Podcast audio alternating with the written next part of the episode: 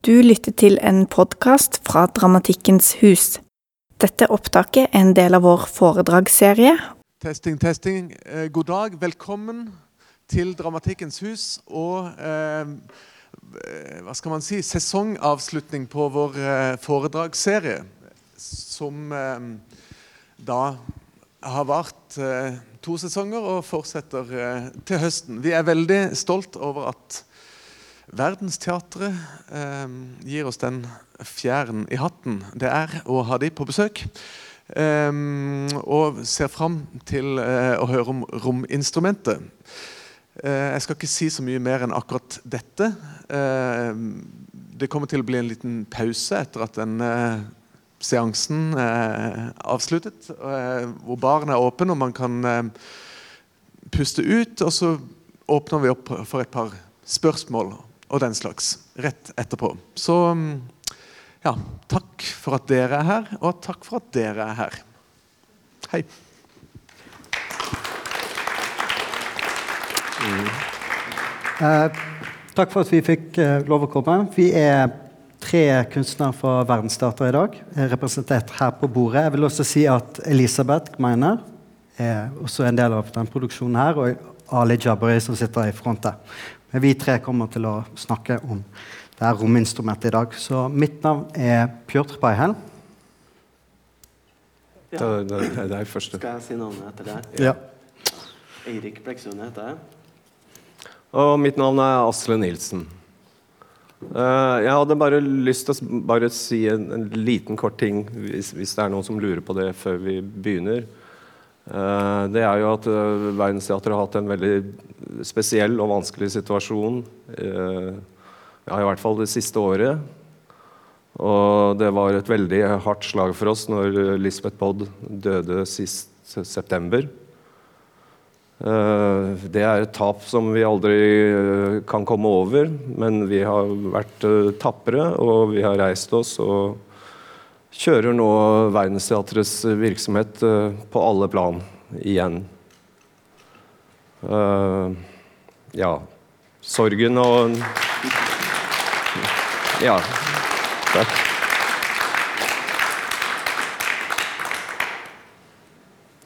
Ja, jeg ville bare si at den, den sorgen og det tapet, det, det, er jo der, men det har nå blitt litt mer sånn spredt at uh, det kommer mer som uh, plutselig regnvær. Det kommer brått, og det regner hardt. Og så slutter det å regne. Så ja, vi er oppe og går igjen, for å si det sånn. Ok. Men uh, vi skal jo nå i kveld prøve å si noe om rominstrumentet vårt. og da lurer jeg på Kan du begynne med det, Eirik? Jeg kan, jeg kan, godt starte um, introduksjonen da. Eh, da må jeg lese eh, eh, fra det jeg har skrevet ned. Ja. Hvordan skriver man en symfoni for instrumentet som aldri blir ferdig? Verdensteaterets kunstneriske prosess spinner hurtig rundt seg selv. Midt mellom diametrale ønsker om Fri flyt og absolutt kontroll. Et eh, system i permanent frustrasjon.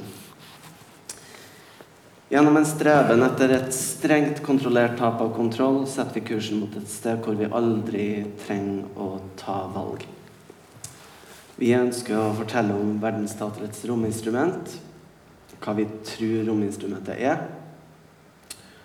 Eh, og vi har lyst til å se på hvordan det med rominstrumentet er én måte å se på verdensteatrets kunstneriske prosess på. Og for å kunne snakke om rominstrumentet, så må vi starte med å snakke om frustrasjon. Og for at vi skal kunne snakke om frustrasjon, så må vi starte med applausen.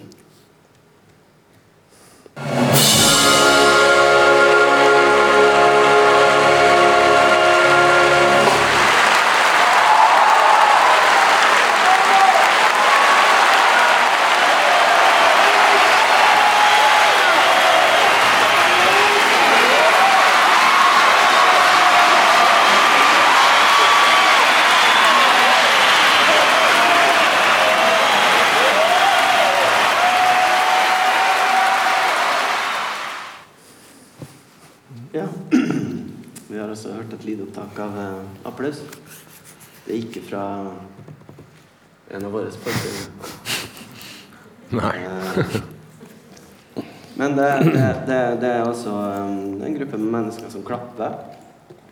Og grunnen til at vi bruker det lydeksempelet her, det er at um, uh, det her er et eksempel på hva du kan kalle et sånt system i frustrasjon. Og, og det, vi, vi har lyst til å, å peke på, da, at uh, det her med system i frustrasjon er noe som vi ser tendenser til i arbeidet vårt eh, i Verdensteatret. Eh, Så, så, så kan, det er to ord, da. Det er system og det er frustrasjon. Ordet system eh, kan ha forskjellige betydninger, men altså fellesnevnet for det, det er at det er, en, det er en slags måte å beskrive strukturer i fenomenene rundt oss. Der vi kan ha mange forskjellige systemer på, på samme ting. Um, men generelt for sy- begrepet system så er det noe med å se på bestanddelene i det fenomenet, hvordan det er bygd opp, og hvordan de her bestanddelene påvirker hverandre. Frustrasjon, det andre ordet, det er jo en ting som vi som oftest forbinder med en slags følelse, ikke en særlig god følelse, ved å ha vært frustrert fra gang til gang.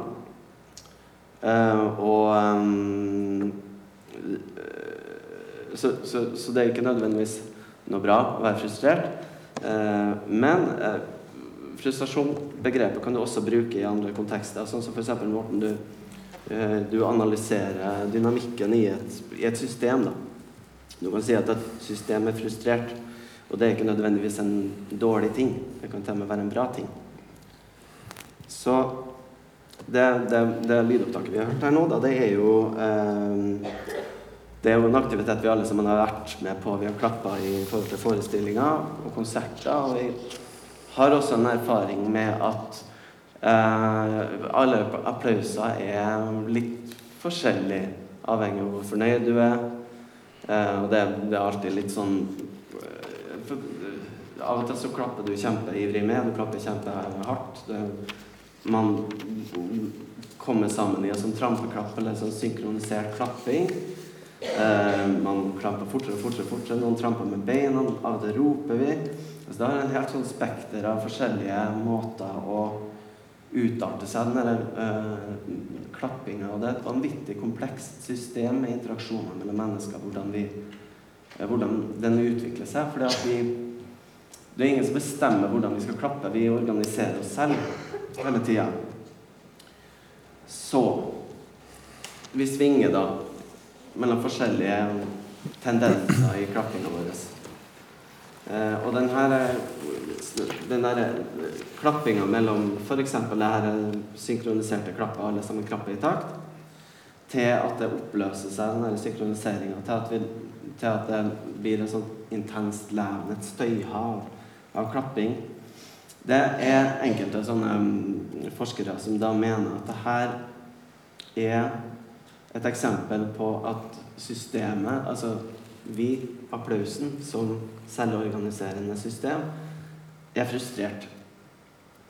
Vi veksler mellom to Vi, vi søker etter to diametralt motsatte ting hele tida. Vi ønsker å organisere oss, klappe i takt og være i orden og, og, og ordentlig. Og så har vi også lyst til å få opp eh, få opp støynivået, få opp intensiteten. Men med å velge organisering, så um, Dere la sikkert merke til at når de begynner å klappe synkronisert, så går intensiteten litt ned. Og så begynner man å rope og klappe med, og, og, og så får du det støyhavet. Og det veksler du hele tida mellom eh, de to tilstandene. Og der kommer også vår kunstneriske prosess inn som en slags analogi til det her. da. Veldig mye av det vi jobber med, ser vi at vi, vi går hele tida i fluks mellom to ville to gjerne uforenlige ting. Eh, og det er den vandringa imellom her som på en måte blir en beskrivelse av den dynamikken vi har på mange plan. Blant annet vi ønsker å ha en slags fri flyt i alle ideene og innspillene vi kommer med, men samtidig så har vi lyst til å ha total kontroll over hver minste lille detalj. Eh, vi, vi går mellom det prosessen og det produktet. vi går mellom alle mulighetene og samtidig alle begrensningene. Så sagt på en annen måte så jobber Verdensstatuen i en kollektiv prosess med mange fantastiske kunstnere som vil veldig mange forskjellige ting samtidig. Mennesker er jo litt sånn Vi vet ikke alltid hva vi vil. Eh, men det, man kan jo si at det er, det er den her vekslinga mellom de to ytterpunktene her som er med å skape det her tredje som oppstår. Mm. Sånn. Uh, ja, hvis jeg skal fortsette litt, så, så kommer jeg jo fort til eh, å forsøke å si noe om hvorfor lager man et sånt rominstrument. Uh, det er ikke så lett å svare på så, sånn enkelt, men uh, ja, F.eks. en veldig kort måte å si det på kunne være at uh, det gjør oss i stand til å helle en bøtte med lyd ut i et rom, og så se hvordan den ser ut.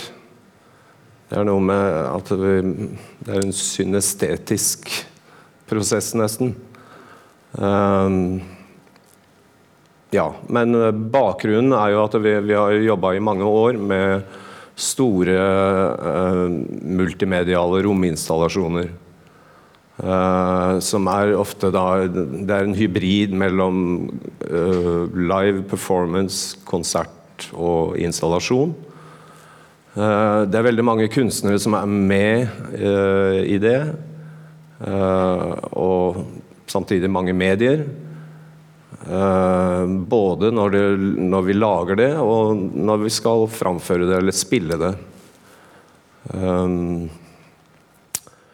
og behovet er jo hele tida, eller har vært over lang tid, og hvordan skal vi imøtekomme alle de merkelige ideene og ønskene som, som dukker opp i løpet av, av våre lange prosesser.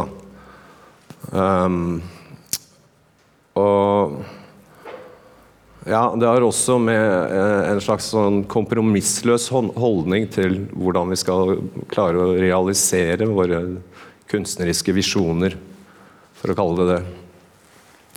Eh, vi arbeider jo i lange prosesser, og vi jobber eh, i selve verkstedrommet vårt i en én-til-én-skala med alle medier aktive hele tida. Og rominstrumentet blir da det verktøyet som på en måte uh, gir mulighet til å krysskoble medier på, på uh, en mye mer uh, ja, kompleks eller, eller, mer virtuos måte enn vi har kunnet gjort før. Um, det, det, er på en måte å la, la uh, det potensialet som materialet har, få komme til orde i et, et, enda rikere språk enn en vi har uh, hatt noen gang før.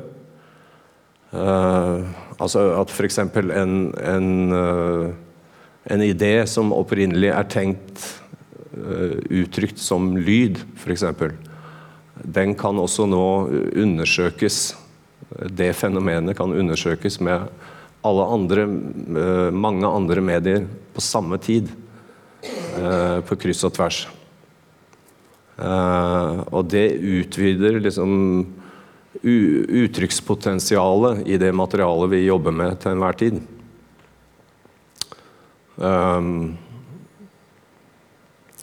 Skal vi se Hva mer kan vi si? Ja, altså De uventede koblinger som, som uh, dukker opp, de, de, kan avsløre kvaliteter i ideen eller materialet uh, som det er vanskelig, eller for ikke å si umulig, å uh, tenke seg fram til uh, før det oppstår som en mulighet i rommet, som vi kan se og høre. Og en annen ting er at i utgangspunktet er alle medier likeverdige. De har det samme potensialet for kunstnerisk uttrykk. Um, Så jeg må følge litt med på hva jeg har skrevet her. Ja, eller en annen måte som, kan si noe om behovet for å lage et sånt instrument, er for å bedre kunne fange de ja, hva skal man kalle det, gylne, svevende øyeblikk. Altså disse øyeblikkene, komprimerte øyeblikk som vi alltid er på jakt etter, hvor alt stemmer. Eh, vi har et rikere instrument for å, eh, for å kunne jobbe med det, og dermed lettere få tak i det. Og eh, rominstrumentet er da på en måte i stand til å ta vare på det, og også kunne gjenta de. Sånn at det ikke bare var der i en jam session og aldri mer, fordi det ble for komplekst. Um, en annen ting er at uh, det er bare en observasjon. Det er at disse ja, for å kalle det øyeblikkene da, som vi er på jakt etter Når de oppstår, så er det som regel en kollektiv oppdagelse. Uh, alle merker det samtidig når det er der. Og det har vel med det at alle er med å frambringe det. Alle er til stede i rommet og spiller på dette instrumentet. Um, ja, det var det jeg hadde så langt på det. Da skal jeg snakke litt, om, litt mer konkret om hva som er rominstrumentet. Um, vi skal ta for oss uh, vår siste produksjon som et utgangspunkt. Uh, uh, 'Broen over gjørme', som dere ser bilde av her på veggen. som sagt så er Vi har egentlig brukt dette foredraget for å finne ut av hva det her rominstrumentet er for oss. jeg vet ikke helt om vi har funnet ut kommet helt til bunn i saken, men det, man kan se på det på to forskjellige måter. og Det er som et instrument for å produsere og framføre et kunstnerisk uttrykk. Og også som en holdning til materialet vårt, og som vi jobber sammen. Så jeg skal gjennom en rekke slides nå prøve å gi deg en slags oversikt over hvordan eh, det her instrumentet vi lagde for denne produksjonen, er satt sammen. Eh, vi begynner helt i begynnelsen. Eh, og det er med selve rommet.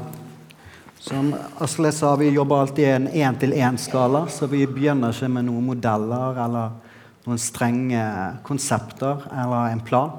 Så vi begynner et tomt rom. Og ofte så er vi nødt til å formatere rommet med våre egne vegger. Altså, når jeg sier format, så tenker jeg både som et videoformat, eh, for vi trenger flate å projisere ting på, men også for å avgrense det rommet vi jobber i. Og denne rekkefølgen kommer med nå, er ikke kronologisk. altså De her veggene kan komme mye senere i prosessen. Eh, siste produksjon så hadde vi et ønske om å forflytte veldig små LED-lys gjennom et skyggelandskap. Eller ved å forflytte veldig små LED-lys, lage et skyggelandskap som kunne reise gjennom. Så vi, eh, vi måtte ha en, eh, et transportsystem. Eh, vi drømte jo selvfølgelig om å lage vårt eget helt unike, fantastiske transportsystem, men vi endte opp med å bruke eh, tog, en togbane. Eh, jeg kan jo vise dere et annet bilde her. som dere ser Her ser dere togsystemet ovenfra. Eh, veldig fort så ønsket vi også å kunne forflytte lyd, altså høyttalere, i det her eh, togsystemet. Og også eh, forflytte skulpturer og skjermer. Så hvis vi går tilbake til oversikten, her ser dere de her eh, togene som kjører rundt i det her systemet. Det er jo selvfølgelig, Vi måtte lage et eget togsystem, for det du får kjøpt i butikken, det passer ikke våre behov. Ok, Da går vi videre. Så har vi eh, tre prosjekter her i front. De skal snakke litt mer om. Eh, vi har en del roboter uh, ute i rommet. Uh, altså, robotene varierer i både form og funksjon. Jeg uh, skal prøve å beskrive dem. Vi har uh, bl.a. noen pinneroboter som lager sånne svevende pinner i rommet. eh, som kan på en måte streke opp rommet og tegne nye tegninger med skygger og seg sjøl. Så har vi noen eh, plasttallerkener på bein som reiser seg opp når togene kjører forbi. Vi har også eh, noen kopphøyttalere som kan gå opp og ned. Eh, kransheiser for å heise sånn indiske kranser. Ja, og noen, eh, også noen fugler med paraplyhalser. Så det er litt sånn forskjellig. Det er det vi kaller for roboter, som er en del av uttrykket. Så er det Vi har jo alltid jobbet mye med lyd, og vi har alltid ønsket å kunne både plassere og forflytte lyd i rommet. Så vi har et eget oppsett her med høyttalere. Forskjellige typer høyttalere. Alt fra presise studiohøyttalere til skranglete megafoner fra Vietnam. Det var det eneste høyttaleren vi fikk plass til. Det er Ja. flere, altså. Det er flere, og de er rundt publikum. Men vi har prøvd å forenkle det her litt. Og alle de har individuelle lydkanaler. Det er også veldig viktig uh, å punktere. Hvor mange, er det, hvor mange lydkanaler har vi, Erik? Er det Jeg tror vi har 108 lydkanaler. 108 lydkanaler? Så 102 inn. Ja. Ok? Kan jeg bare nevne det at det, altså det, det er jo et, et lydsystem som, som ligger oppe i taket, det ligger langs veggene, og det ligger utover hele gulvfeltet. Sånn at vi kan, vi kan flytte lyden fra gulvet til midt i rommet, til opp til taket. I alle mulige varianter. Eller bevege det rundt i, i spatialiseringer i, i, i høyttalersystemet. Yes, jeg går videre. Vi har også eh, lamper. Vanlig sånn standard lampeoppsett. Så har vi en del LED-lys. eh, både på de her vognene som kjører rundt, og stasjonært. Eh, for det, vi har alltid jobbet veldig mye med skygger for å danne eh, Med lys for, som produksjons... Som produksjonskilde for skygger. Så det er det er også en del av dette instrumentet. Så er vi selvfølgelig nødt til å ha mennesker for å spille det instrumentet. Eh, og vi er ti kunstnere til sammen som eh, kjører det her. Eh, vi har også litt mikrofoner selvfølgelig for både stemme og instrumenter som blir spilt. Så jeg kommer litt tilbake til video her. Vi har eh, rundt 130 forskjellige videolag som er eh, projisert ute i rommet på de forskjellige prosjektorene. Så dere kan tenke Vi behandler rommet som en sånn eh, tredimensjonal Photoshop-kollasj. Hvor vi både treffer selve bakveggen, men også figurene og skjermene som kjører rundt i rommet. For å lage en dybde i, eh, i det her instrumentet visuelt. Så har vi 130 fadere, for vi har jo lyst, lyst til å kontrollere alt. På, Og eh, alle skal kontrollere litt av alt. Ja. Det er mange mennesker og mange fedre. Det, det, ja, det er det jo. det, det må vi selvfølgelig ha. Og så videre altså Vi greier ikke å kontrollere alt på egen hånd, så vi har eh, seks datamaskiner eh, som er, styrer litt forskjellige ting. Eh, for eksempel, vi har en egen maskin for å kommunisere med togsystemet. altså alle de her togene som kjører rundt. For til enhver tid så har vi lyst til å vite hvor togene med figurene og med lysene er, sånn at vi kan sende de her dataene tilbake til video og til lyd. Og tracke posisjonering på de her togene. Så har vi også selvfølgelig en maskin for robotene som er koblet til der. Og så har vi videomaskinen som er koblet til videoprosjektorene. Og så lydmaskinen som selvfølgelig er koblet til alle høyttalerne her. Og så er det lys, og så er alle faderne koblet til alle de her maskinene. Og så helt til slutt så er alle maskinene på samme nettverk, så alt kan styres av alt til enhver tid. Ja, fra hvor som helst i rommet. Jeg tror det vi snakker om, er kompleksitet. Og, og, og livet vårt med kompleksitet. Um, ja, og hvordan, hvordan, hvordan tilrettelegger du hverdagen for en, en gjeng som skal leve med det her? Um, ja. Kompleksitet er jo en, er, er, jo en ting som um, som vi gjerne bruker ab- abstraksjon til å løse. Altså vi må ha noe Det må være håndgripelig, forståelig. Vi kan ikke øh, det, det ser sånn ut. Det ser verre ut i virkeligheten, faktisk. og Det er en forenkling. Men, øh, men øh, hvordan, hvordan angriper vi denne kompleksiteten, da? Eh, og vi har jo snakka om det her instrumentbegrepet.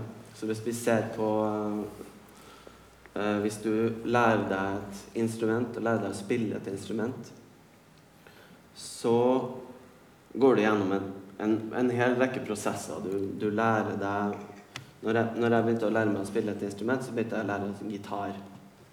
Og da, da ble jeg satt uh, av faren min inn på et rom, og så, sa, så ga han meg sånn A4-ark med, med jeg tror det var 32 akkorder. Så, så, så håpa han liksom gikk han ut, og så håpa han at det her eh, Han hadde veldig trua på meg, da.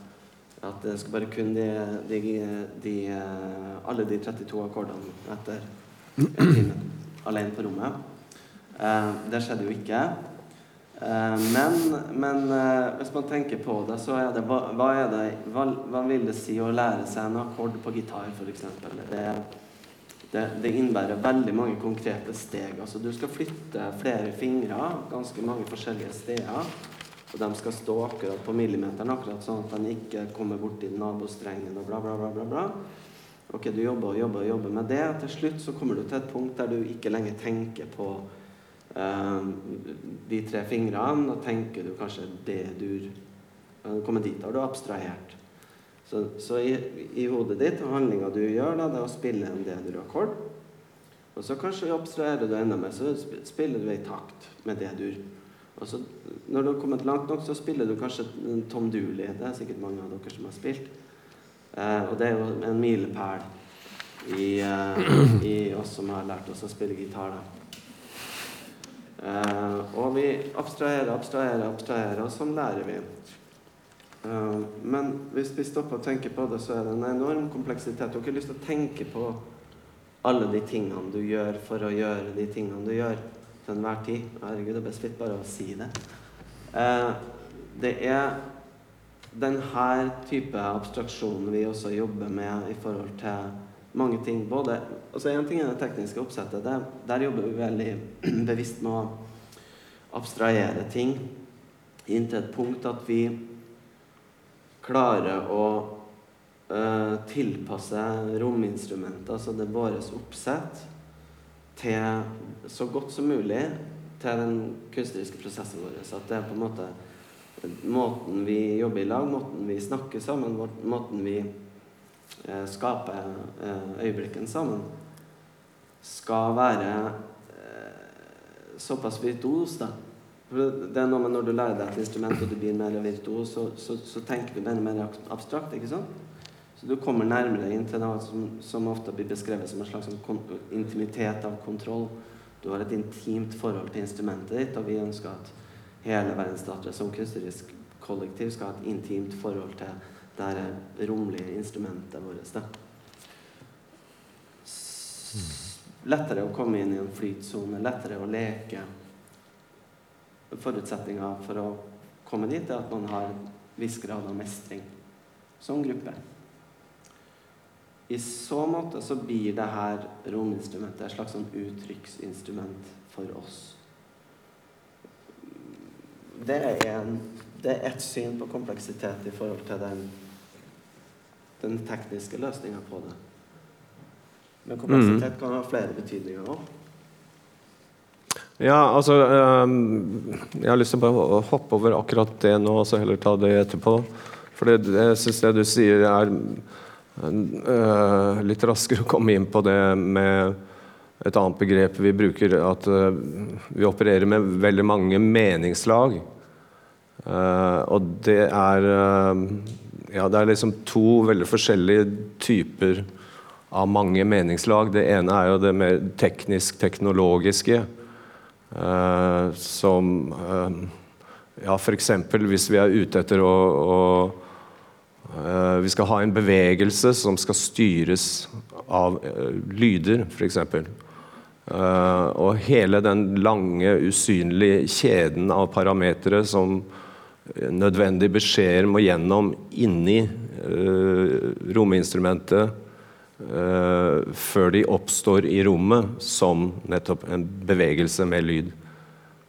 bare i, i, alt det der ligger det jo masse forskjellige meningslag, som vi kaller det. Um, Eh, også på den andre siden så har man uh, mange meningslag som, som, er mer som, som kvaliteter eller, eh, eller utsagn i det kunstneriske uttrykket. Eh, eller det kunstneriske resultatet når, som vi jobber med når dette er oppe og vi kan se og høre det i, i rommet.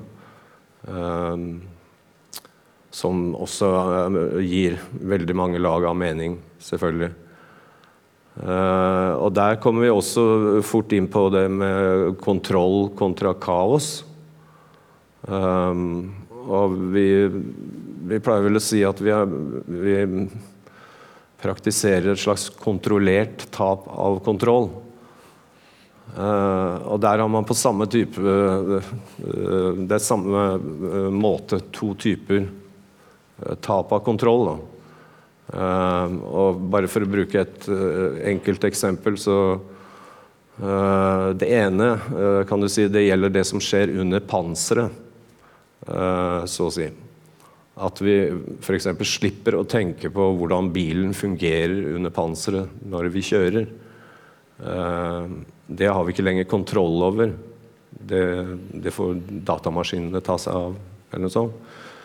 Uh, vi vil heller bare tenke på hvor vi skal kjøre. ikke sant? Og da Tap av kontroll i denne, denne forstand er en slags effektivitet av, av, den egentlige kompleksiteten, som fort ville bli helt uoverskuelig.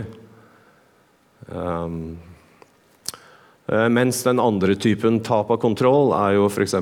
hvis man introduserer uforutsigbarhet i, i det kunstneriske arbeidet Eh, eller også i, i hele, hele, denne prosessen. At man åpner opp for et kaos. Uh, som vi ofte må gjøre i, i hvert fall under arbeidsprosessen. Uh, at vi må åpne opp for kombinasjoner mellom medier som er utenfor vår kontroll.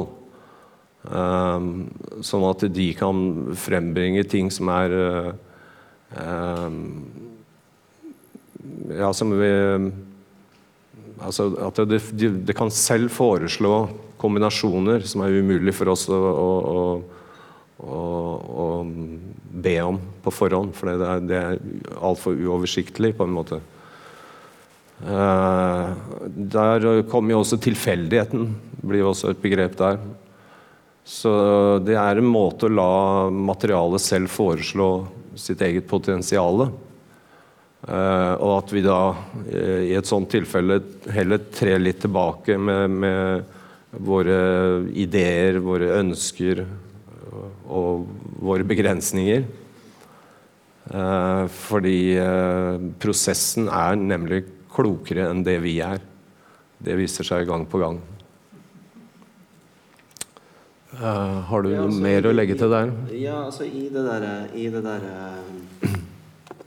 altså, så, så den her lagdelinga av, av, mening, eller semantiske lag, eller hvordan altså, vi, vi, bruker det på to, to måter. Altså i, i, i, det der, i det der kaoset, når du plutselig finner der, noe som tar form, noe som står fram, som vi alle sammen bare føler at Ok, her har vi noe. Så, altså, så er den der lagdelinga sånn, fra, på, den, på den tekniske sida har en sånn oppryddende funksjon. Den holder orden på ting. Det kompliserer opp i flere lag. Da blir det orden på sakene. Eh, og på den andre sida det kaoset med, med, de ulike slags kvalitetene. Mer sånn eh, Mer subtile kvaliteter, eller hva, hva vi møter. Der vi det bare får en slags sånn um, Det. Så det, det er der de to innfallsvinklene på en måte møtes, som gjør at vi er klar da, til å fange det øyeblikket så godt vi kan, altså i forhold til uh, at vi kan gjenskape det øyeblikket med de samme Vi kan, vi kan gjenoppleve det øyeblikket og fortsatt tillegge det de kvalitetene vi opplevde når vi likte det. Ja. Jeg tror det er bra å si. Ja. Jeg vil jo også skyte inn når vi har snakket om det her rominstrumentet altså vi, vi, har snakket mye om det som et sånn, eh, musikkinstrument på sett og vis. Men man kan så snu det bildet litt og tenke at eh, kompleksitet oppstår fordi vi har lyst til å gjerne undersøke en veldig enkel detalj. Mm. Det kan være som et, et sandkorn som faller på en bordflate. Men da har vi lyst på et instrument som kan på en måte observere det her fenomenet fra mest mulig forskjellige vinkler. Og da blir det slags, en slags type veldig avansert sensor. Så det er i våre produksjoner altså En sånn type kompleksitet kan vokse fram fra en veldig enkel detalj òg. Um, så det er en annen måte å tenke mm. rominstrument uh, i våre produksjoner. Det er sånn ja. altså, du, du, kan jo si På mange måter så måler jo rommet seg sjøl. Alle de her togene som kjører fram og tilbake, de sender jo eh, data, posisjoneringsdata til oss hele tiden, som vi kan igjen bruke for å projisere slags type masker på de, eller forandre eh, lyskvaliteten på de. Så det, i det tilfellet så er rommet en slags type sensor mm. av seg sjøl. Eh, jeg kan si litt om eh, altså vi, vi ønsker en uh, veldig ofte en, en, stor rikdom av detaljer. Og samtidig så ønsker vi en rikdom inni hver detalj igjen. Altså detaljen er veldig viktig for oss. For det, det, vi føler ofte at uh, poesien ligger der. Uh, I hvert fall i mange tilfeller. Uh, så det, altså det, veksler jo da likevel hele tida mellom veldig komplekse uh, uttrykk som er fulle av detaljer, og som, som, benytter mange medier samtidig, og helt til veldig enkle, nedstrippa ting. Uh, og det blir jo sånn fordi at vi, vi er jo alltid på jakt etter høyest mulig presisjon i det uttrykket vi forsøker å få til.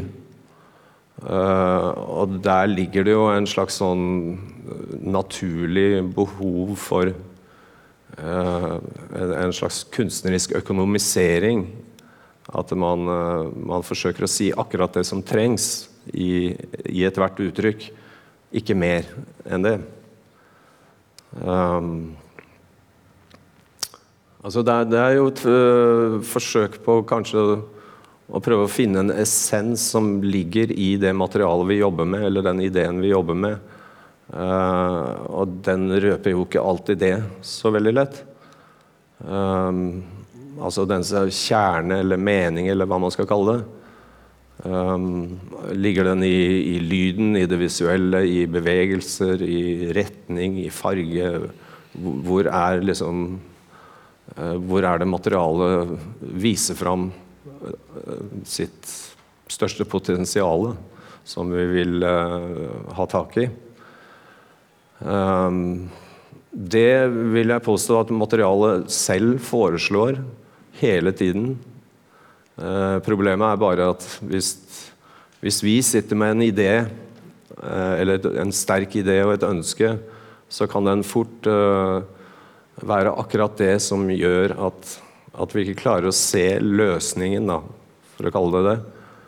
Eh, fordi vi vil eh, ha et perspektiv som er, er, eh, er kun i én retning, mot ett sted. Fordi der ligger den ideen som vi er overbevist om at, at det materialet vi har det, Vi skal forsøke å presse det til å, å komme dit. Uh, men det er det, er liksom, det er det, som er vanskelig, og der, der, ligger jo frustrasjonen på den måten. Men det er også det som er spennende. da. Fordi rominstrumentet øh, gir oss på, mulig, på, en måte mulighet til å, å bruke alle sanser inn mot et øh, kunstnerisk materiale. Um, ja Ja, og i, og i Det akkurat det du er på, det, det, det er jo det med den, akkurat den der detaljfokuset der. Det er en ting vi har snakka litt om. At det er sånn, ofte når vi jobber og sånn, så er det veldig sånn derre uh, Kan du ha én lyd kan, To lyder, kanskje, på hver fader. Det er det eneste du gjør i en hel dag, kanskje, på en prøve. Uh, men det der er at hver sånn lille lyd da, har, skal ha 100% fokus. Den skal spilles akkurat på presisjonsnivået. Sånn og sånn høyt. Akkurat når den lille tingen blir blå der, så skal det opp litt der. Og så skal det le litt der, og så skal jeg hele tida leve litt. Så hvert, hver lille lyd, hvert lille, altså hver minste bestanddel av materialet blir også et lite instrument i seg selv. Så vi har egentlig et instrument av masse små, små instrumenter inne som hvert instrument skal ha kjempemye oppmerksomhet og kjærlighet.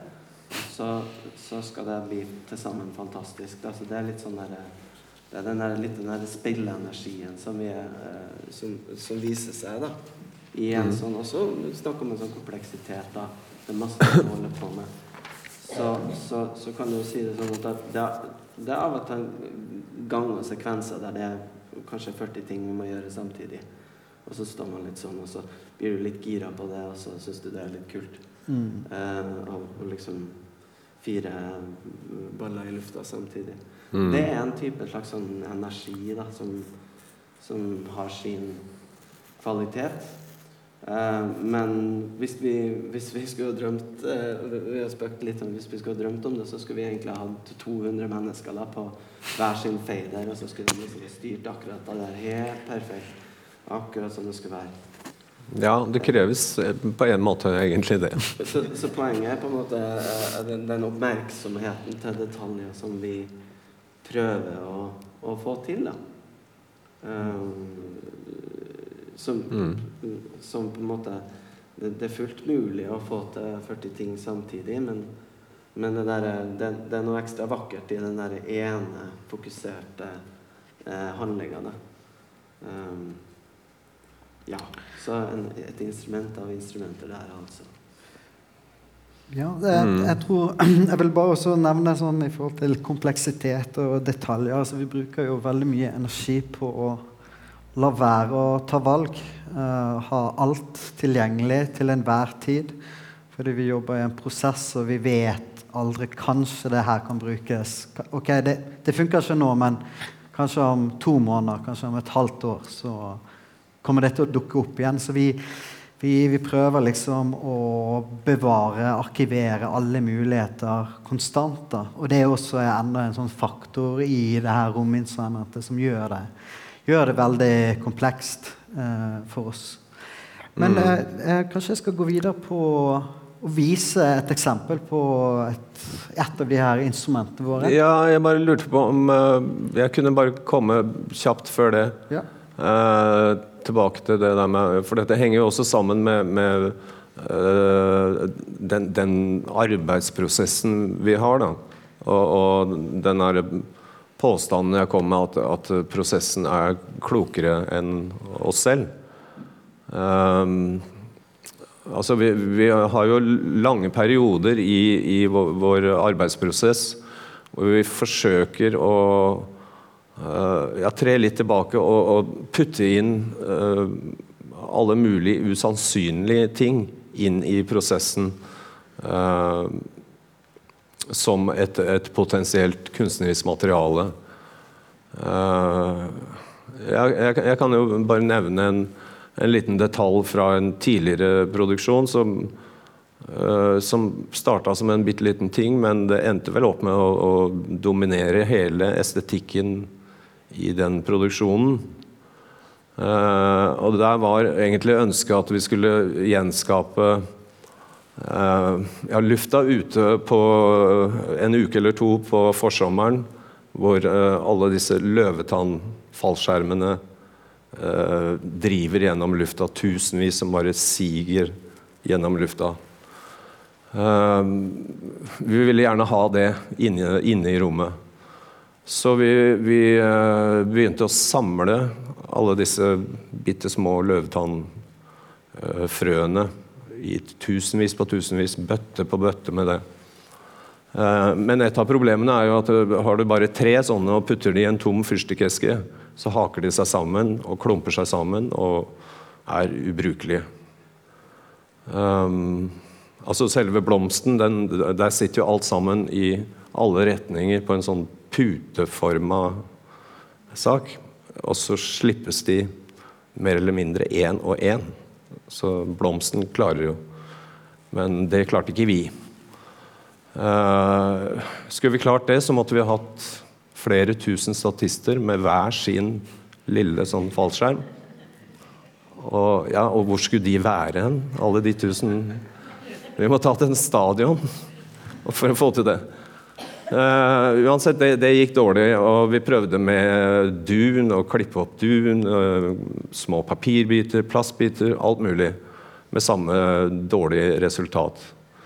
Men samtidig som vi holdt på med alt dette her, så var det noen som tilfeldigvis uh, fylte sånne plastsekker med, med helium. Jeg vet ikke hvorfor de gjorde det nå, det kan jeg ikke huske. Om de, de skulle lage fest, eller hva det nå var. Uh, men iallfall så, så blei de blåst opp og knytta sammen med, med, en hyssingstump i enden før de føyk rett opp i taket. Uh, og det var ikke så gøy å ha de der oppe. De, de, hadde ikke noen funksjon der, så vi måtte få de ned. Uh, og da måtte vi ha bitte små vekter på disse hyssingene, sånn at de begynte å sige ned. Og da merka vi at hvis vi var nøyaktige nok, så kunne vi få disse søppelsekkene til å sveve vektløst midt i rommet. Og bare liksom drive litt i trekken fram og tilbake.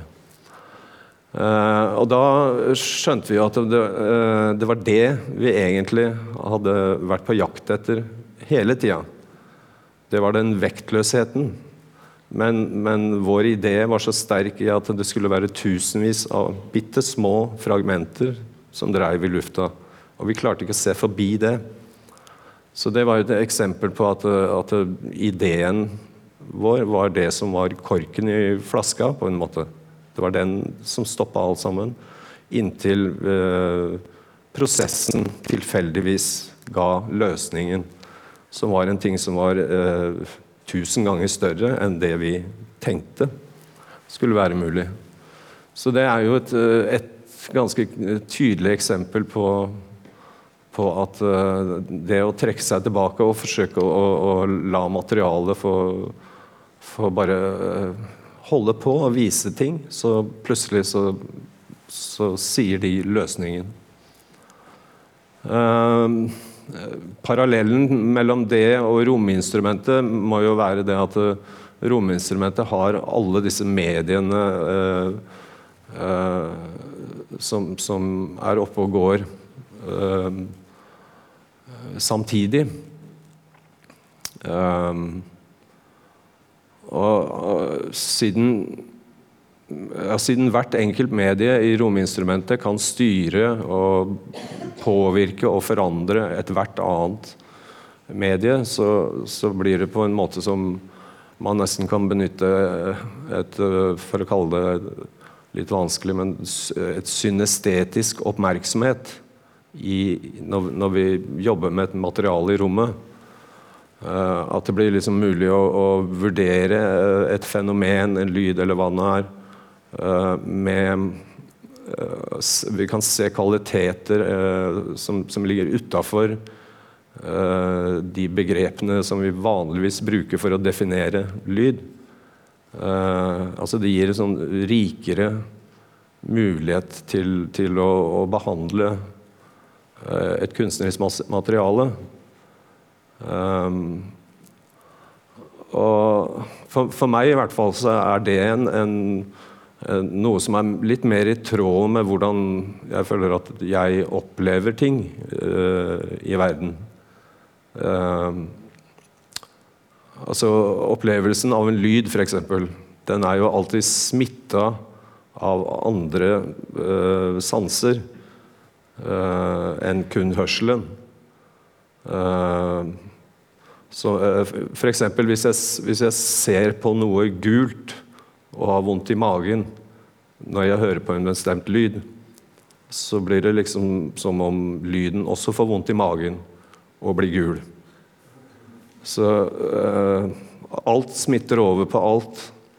Det, eh, på den måten så er Verden er skitten på den måten. Det, de smitter over på hverandre helt.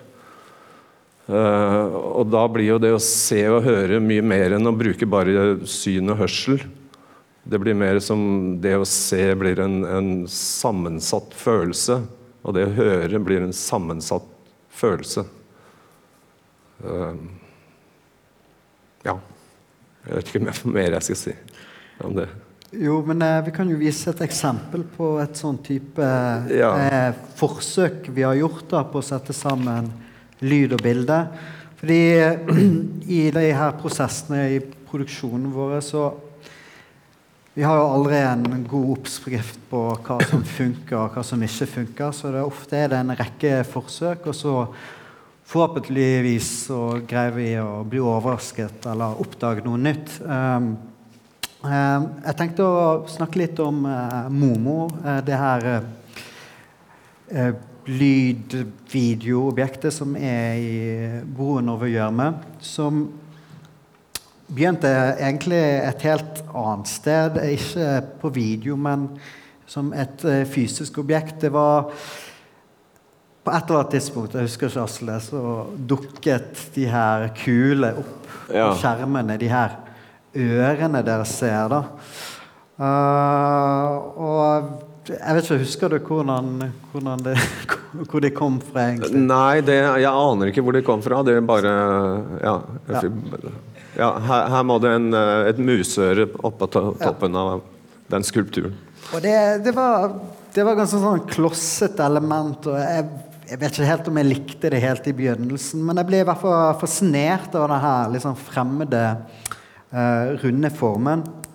Eh, så var det også et tidspunkt der vi så på ja, hvordan, hvordan kan Martin, som spiller eh, eh, tuba i i i prosjektet. Hvordan kan han interagere mer med video? Fordi altså, vi har både verktøyene, tiden og mulighetene til å gå litt i dybden da, på hvordan vi vil sammenkoble ting.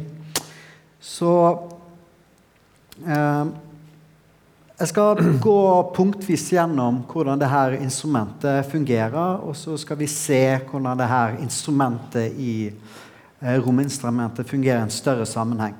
Så denne forklaringen skal er laget sånn at alle skal henge med på den, så det tar det veldig, veldig sakte. Skal vi se.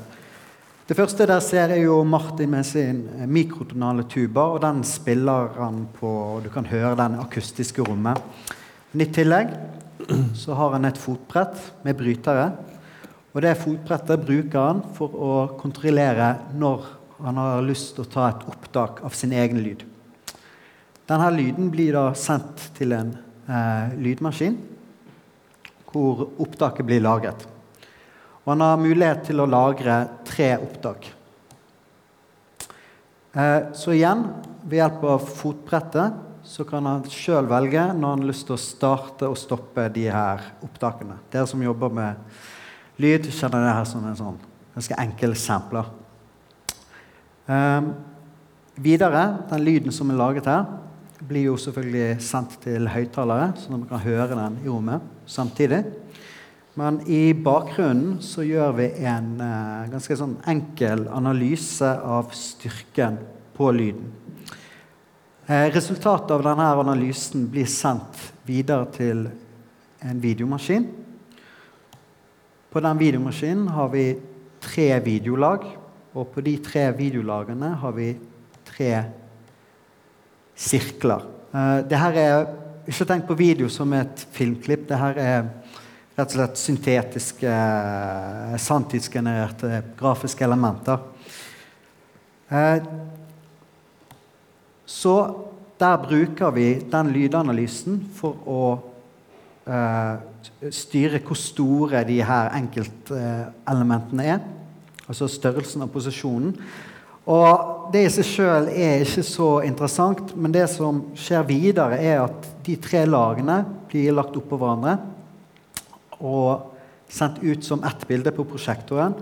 med en sånn uh, differansesammenblanding. Så uh, det som skjer, da, at de hele tiden prøver å invertere hverandre og på den måten spiser hverandre kontinuerlig opp og lager nye former. Det er beste forklaringen jeg kan gi dere sånn helt kjapt. Uh, så vi går tilbake. Her kan vi se hele instrumentet som Martin kontrollerer. Men det er jo egentlig et uh, tremannsinstrument, fordi Eirik har jo uh, programmert sampleren som uh, Martin bruker, og jeg uh, har sittet på videoen. Så det er på en måte et samarbeid mellom tre mennesker. Og jeg skal vise dere et eksempel nå på hvordan det her instrumentet i rominstrumentet fungerer. Um, skal vi se Ja, jeg tror rett og slett viser det. Og så kan vi mm. snakke litt mer etterpå.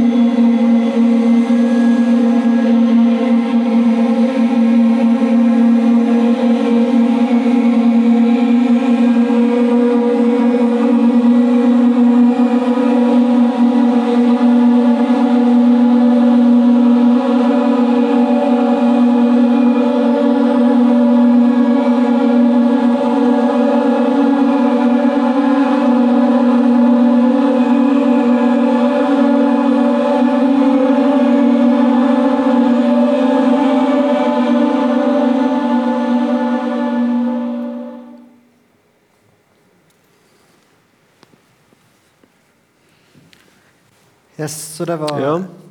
det var ett eksempel på ett instrument. Så det, er- altså det er jo egentlig mange flere instrumenter som er involvert i den sekvensen der, så, men det hadde blitt for Det hadde tatt for lang tid å forklare det. Eh, jeg vil jo også påpeke sånn eh, vi, eh, Når vi lager de instrumentene, så oppstår det jo også en del eh, ja, heldige uhell.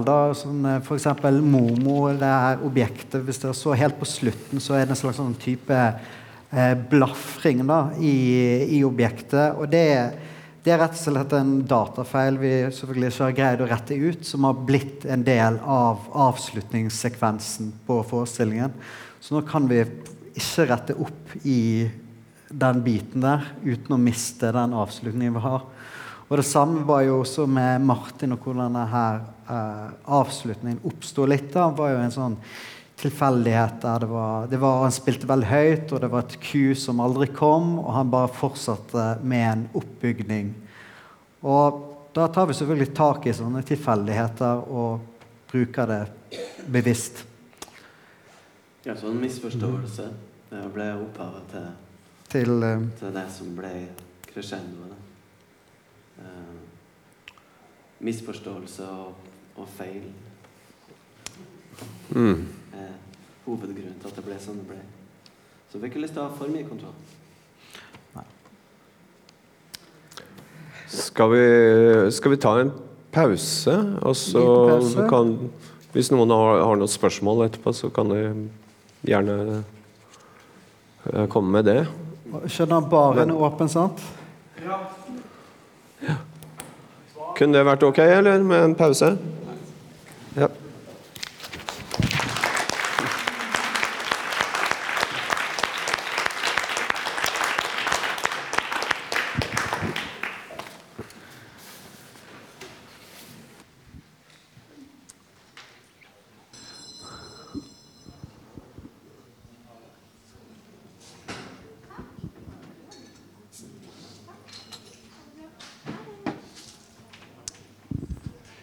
Ja. Hei igjen.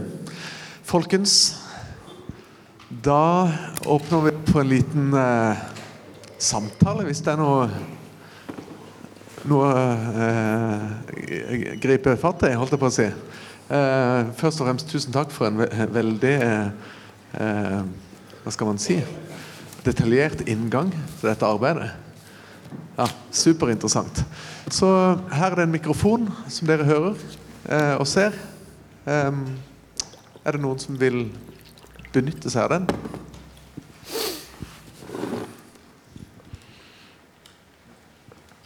Ja. Jeg tenkte kanskje dere kunne si noe om det som er sikkert veldig vanskelig for veldig mange, men kanskje spesielt i deres tilfelle, er jo i og med at dere holder alle elementene inne så veldig lenge i prosessen, så må jo de på et eller annet sted ut nødvendigvis, eh, tror jeg. Før, I hvert fall før dette her skal manifestere seg i en slags forestilling. Så jeg lurer på om dere kan bare jeg skal ikke ha oppskriften på hvordan dere gjør det, men, men hvordan dere tenker, eller hvordan det foregår, sånn i praksis. Hvis det går an. Jeg, jeg skjønte ikke helt spørsmålet. Hva sa du? Dere sa jo at alle elementer, teknisk og sånn, er med så lenge som mulig. Men det gjør jo bare I hvert fall mine egne erfaringer er jo at det gjør jo egentlig prosess Man utsetter jo bare de vanskelige tingene når man skal begynne å ta ut disse darlingsene som man kanskje har fått. Så jeg lurte på om dere kan si noen ord om det. Ja, altså jeg tenker også på altså det som altså, å ha ting i, i bakhånd òg, da.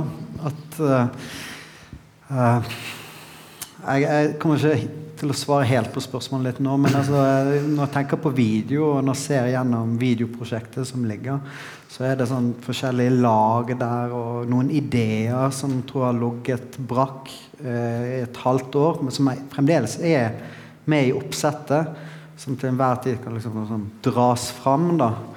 Men klart, altså, det blir jo, det blir jo gjort valg eh, til syvende og sist på hva som er med og ikke med. Eh, men eh, de, de her gamle tingene blir ofte liggende under. da. Erik? Ja. Det er, eh, det er ofte litt sånn vanskelig, akkurat det der Det som du er inne på der, Peder, i forhold til fa- altså, Du har noe liggende altså, du, du, du bestemmer deg for at det her er en greie, det her tar vi. Eh, og så eh, Så kanskje glemmer du en taler, og så tar du det opp igjen, og så Oi, det var sånn. Det hang sammen, ja, for det var den der gule kabelen som skulle inn i hull nummer åtte. Som, der skulle det være den, og så var, det, ja, så var vi jo enige om å kalle den der figuren der for pølsa, men det var jo ikke pølsa den heter nå. Nå heter den jo Skjermen. Altså, det er de her tingene som forandrer seg ofte. Semantikken i altså hvordan vi snakker om det, er én ting, og hvordan det er kobla opp rent formelt sett, en annen ting. Så, så eh, eh, og, og der bommer vi ofte. Eh, men, men, at, men det vi har blitt flinkere på, det er i hvert fall å være bevisst på Hvis vi forandrer den der greia der, hvilke sideeffekter har det? Eller hvis vi begynner å snakke om den figuren der med et annet navn, hvilke sideeffekter har det? Altså, man blir mer bevisst på å holde de tingene ved like. Men, eh, men eh, det er en evig kamp, det, altså. Mm. Jeg vet ikke om det er en del av spørsmålet, men, men ikke sant, det med at, at vi, vi eh, Etter hvert så, så har vi eh, en god del eh, detaljer, sekvenser og ting som, som vi bare syns er akkurat sånn som vi vil ha de. Men så skal jo dette settes sammen i en større sak. Eh, og da da må vi jo flytte rundt hele tida på alle disse små sekvensene og detaljene. Og det er jo nettopp noe av det som, som rominstrumentet som vi har nå, eh, er veldig egna til. Da. Altså selvfølgelig får vi de vi får, vi får kunstneriske problemer hvis vi flytter den over dit, fordi konsekvensen av det er uant alltid. Eh, Men allikevel så, så, så har vi en situasjon nå som, som er mye mer uh, fleksibel på det.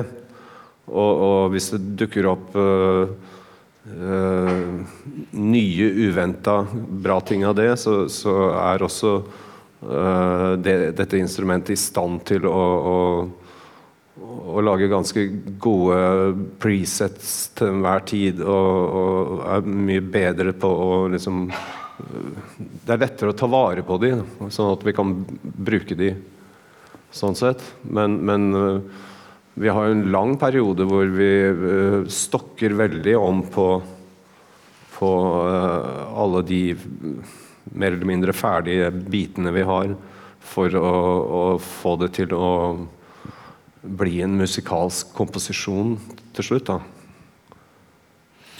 Og der, der blir jo veldig ofte altså, Effektiviteten i systemet handler jo om å få sett flest mulig alternativer før man må ta et valg. Så jo enklere eller jo bedre vi kontrollerer det her instrumentet, jo lenger kommer vi kunstnerisk. føler vi. Vi hadde en diskusjon faktisk når vi, når vi drev og jobba med det foredraget her om liksom hva, hva, hva, er det, hva er en scene? Mm. Eh, og, og vi har helt forskjellige forståelser av hva en scene er. Som er helt eh, Kanskje knallhardt kobla til hva vi på en måte jobber med. Altså, eh, jeg har jo liksom der dataprogrammerer-take på det der hva en scene er. Altså en scene som er en liten kontekst som kan settes i større, inn i en større kontekst uten at den lille underkonteksten blir forstyrra, men kan overkjøre Der ligger jeg, da. Um, Pjotr Monsen nesten for seg sjøl. Jeg, jeg kaller det sekvenser. Ja. En rekke av sekvenser som byttes om til vi finner den naturlige musikalske, riktige rekkefølgen. Og, og forhåpentligvis da sitte med en komposisjon som funker. En helhetlig komposisjon. Uh, ja. Ja, altså, jeg, jeg, jeg har faktisk hele forestillingen på fade, så jeg kan egentlig spille hva som helst når som helst. For, og jeg bruker veldig lite automasjon, så vi, om vi en dag kommer og må spille alt baklengs, så er det fint mulig å gjøre det. Så det er sånn jeg legger opp ting. Og jeg må si for meg Den største tingen var å slutte å bruke sånn uh, innfader og utfader. Begynne å og slett spille eller kjøre alt manuelt. Det, det var veldig stor forskjell for meg. Ja, det er vel noe vi, vi gjør mer og mer. At, mm. at ikke sant? Systemet er jo nå sånn at, at alle, alle, alle, medier kan styres fra hvor som helst i, i rommet. Eh, som også gjør, gir en mye større fleksibilitet på, på eh, Ja, også på de kunstneriske valgene vi tar, da. Mm. Eh, jeg vi inne ja. Er vi nært svaret? Kanskje ikke var det han mente i det hele tatt. Takk. Jeg, ten jeg tenkte på dette her med Asle, som du snakka om, eh, altså ideen som står i veien for det dere egentlig leter etter. Mm. Um, og så nevnte du dette eksempelet med, med løvetannfallskjermene. Mm. og, og, at dere kom fram til noe helt annet. Og, så, og det var vakkert beskrevet, fordi det blir nesten en litt sånn um, buddhistisk uh, prosess. Liksom, at, at, man søker seg gjennom fra lag til lag opp til en slags klarhet til slutt. Da, slags, uh, men, uh, men, så snakker du om dette med å tre til side og la prosessen virke mm. på egen hånd. Mm. Men så er det et eller annet i meg som protesterer, fordi jeg tolker at grunnen til at dere fant fram til det dere faktisk fant fram til, det gjorde dere i kraft av at dere maste sånn for å finne Altså dere maste sånn med å finne noe annet. Ja, men ja. det er vel kanskje nettopp noe av den den frustrasjonen eh, vi snakker om her, da. Altså frustrasjon da, ikke som noe dårlig, men, men, men det at, at vi, vi, vi, vi, vil uh, helt motstridende ting hele tida. Vi vil jo uh, vi er veldig sånn konsekvente på, på vi, skal klare å realisere den ideen vi har, eller visjonen vi har. Men så, så, så, så møter man hele tida det uh, Situasjoner hvor, hvor, man føler at Nei, prøv, prøv, å ta et skritt tilbake og se kanskje Eh, den ideen altså Det er ikke det at den, den har, eh, har, et feil eh, At den er feil på noen måte, men, men den kan ha Det kan være kvaliteter som, som, som, man ikke klarer å se fordi man har så sterk idé. Skjønner, skjønner, dere noensinne når dere må ta det steget tilbake?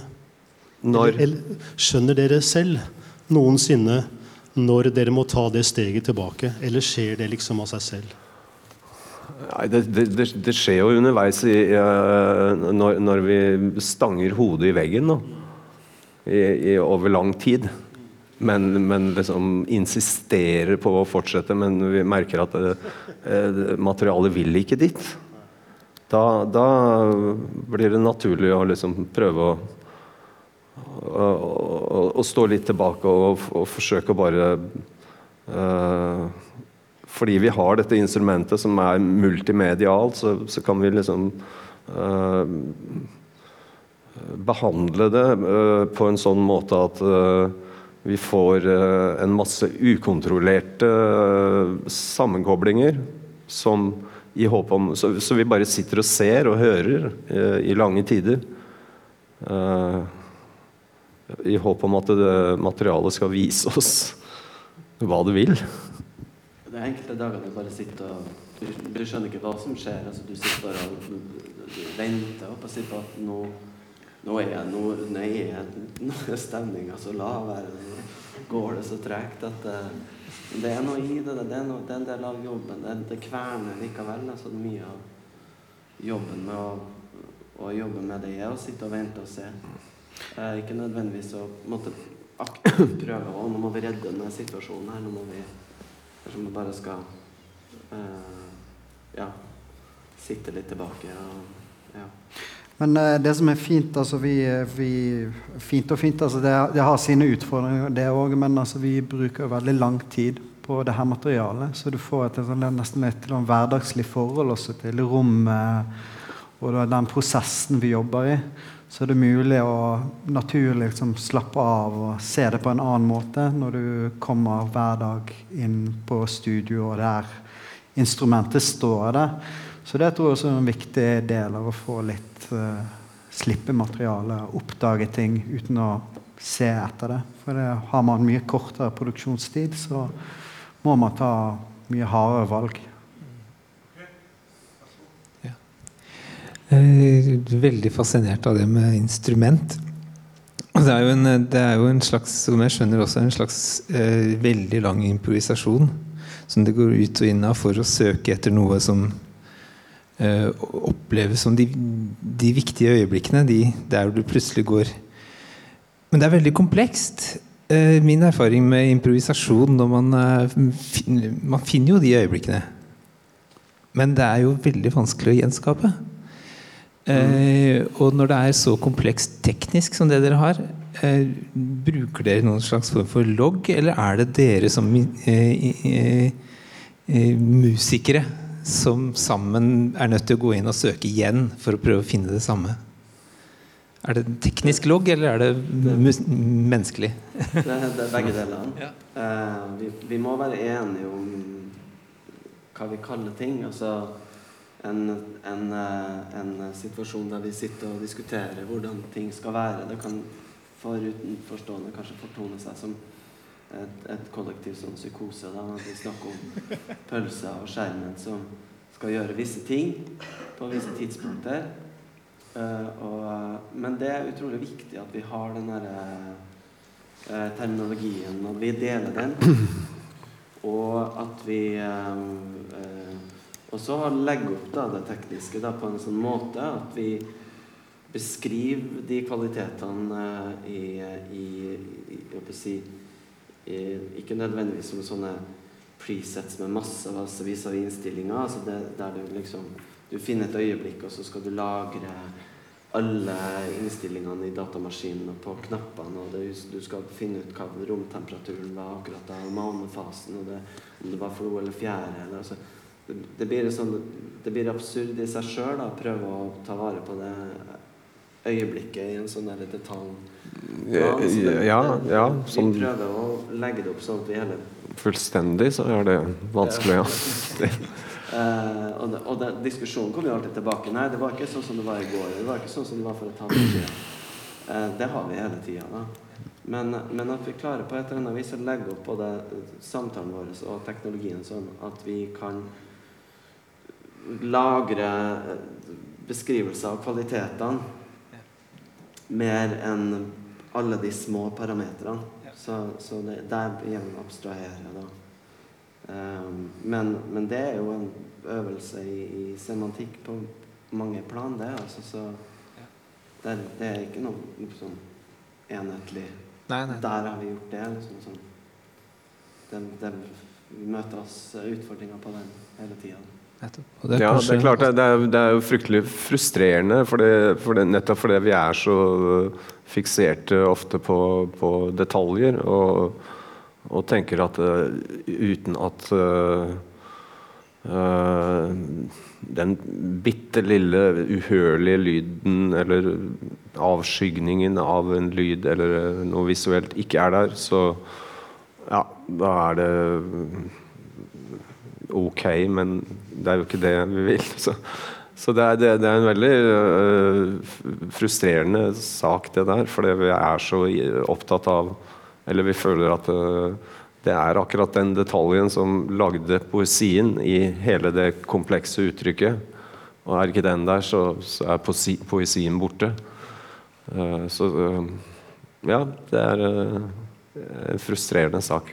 Ja, Men da er det kanskje også mm, viktig noen ganger å ikke bli for hellig på at akkurat det at det var egentlig akkurat sånn det skulle være. Mm. For noen, Mine erfaringer er at noen ja. ganger så i, den, i, det, i, det, man leter, så kommer det jo så ser det plutselig litt annerledes ut. Og man må, må bare ikke Ja. ha solgt seg helt til det ja, man ja, egentlig ja. I- Igjen så har du jo det at da, da, da, da får du et, et, et veldig sånn eh, Et privat ønske som, som, eh, som plutselig kan bli, bli proppene i flaska igjen, da. Så ja.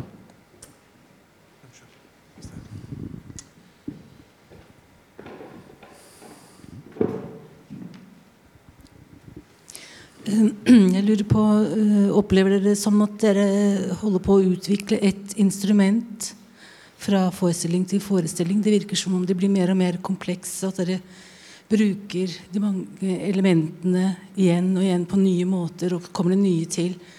Eller er det sånn at dere opplever det mer som dere har en ny idé, som dere lager et nytt instrument da, fra forestilling til forestilling? Nei, det er litt begge deler. Altså det, det, det Arbeidet med, med, med det, det som vi kaller rominstrument i dag, begynte jo for eh, en del år siden, i 2009-2010 eller noe sånt. Nå. Eh, den gang kalte vi det en teknisk plattform. Men etter hvert som det blir mer og mer eh, komplekst, vi blir bedre og bedre på det, og det blir eh, større og større fleksibilitet i det, det vi får en større virtuositet i å bruke det, så har det etter hvert bare falt seg naturlig at eh, ja, nå er det ikke en plattform lenger, nå er det et instrument. Eh, så, så det er noe som, som utvikler seg hele tiden. Men, men det er klart ut fra eh, det materialet og hvilken retning det tar, så, så kan det eh, så er det jo veldig mye av det som, som er veldig forskjellig fra produksjon til produksjon. Eh, det er liksom ikke det samme instrumentet som bare brukes til uh, i en annen setting fra, fra produksjon til produksjon. Det blir fullstendig omforma for hver gang. Men allikevel så har det jo med seg uh, en, en god del verdifulle egenskaper som vi selvfølgelig tar med videre. Ja, blir jo alle ferdige det instrumentet. Nei. Nei, det gjør, det gjør nok ikke det. Jeg tror ikke Ja, det var jo eh, Var, var ikke det et veldig, veldig sånn fin Jo. Jo. jo. måte å si det på? Ja. ja. et praktisk spørsmål, holdt jeg på å si. Broen over Gjørme, den skal spilles igjen, er det ikke så? ja. Den skal øh, nå, først først, Oslo? Ja, det første, eller neste gang vi skal spille den, er på Blackbox øh, siste øh, uken i august. Og, og så skal den ut på internasjonal tur. Vi skal til Moskva, Hamburg, New York og så, ja, masse steder. Men det er noe som er i gang. Så den skal virkelig ut på tur. Altså. Ja, men eh, man fikk jo veldig lyst til å se mer av dette her. Det er det ikke noe tvil om. Ehm, jeg lurer på om jeg bare skal si takk. Hjertelig tusen takk. Eh, og takk, Takk til alle. Takk selv. Du har nå hørt en podkast fra Dramatikkens hus. Har du lyst til å høre disse foredragene live, så se våre hjemmesider www.dramatikkenshus.no.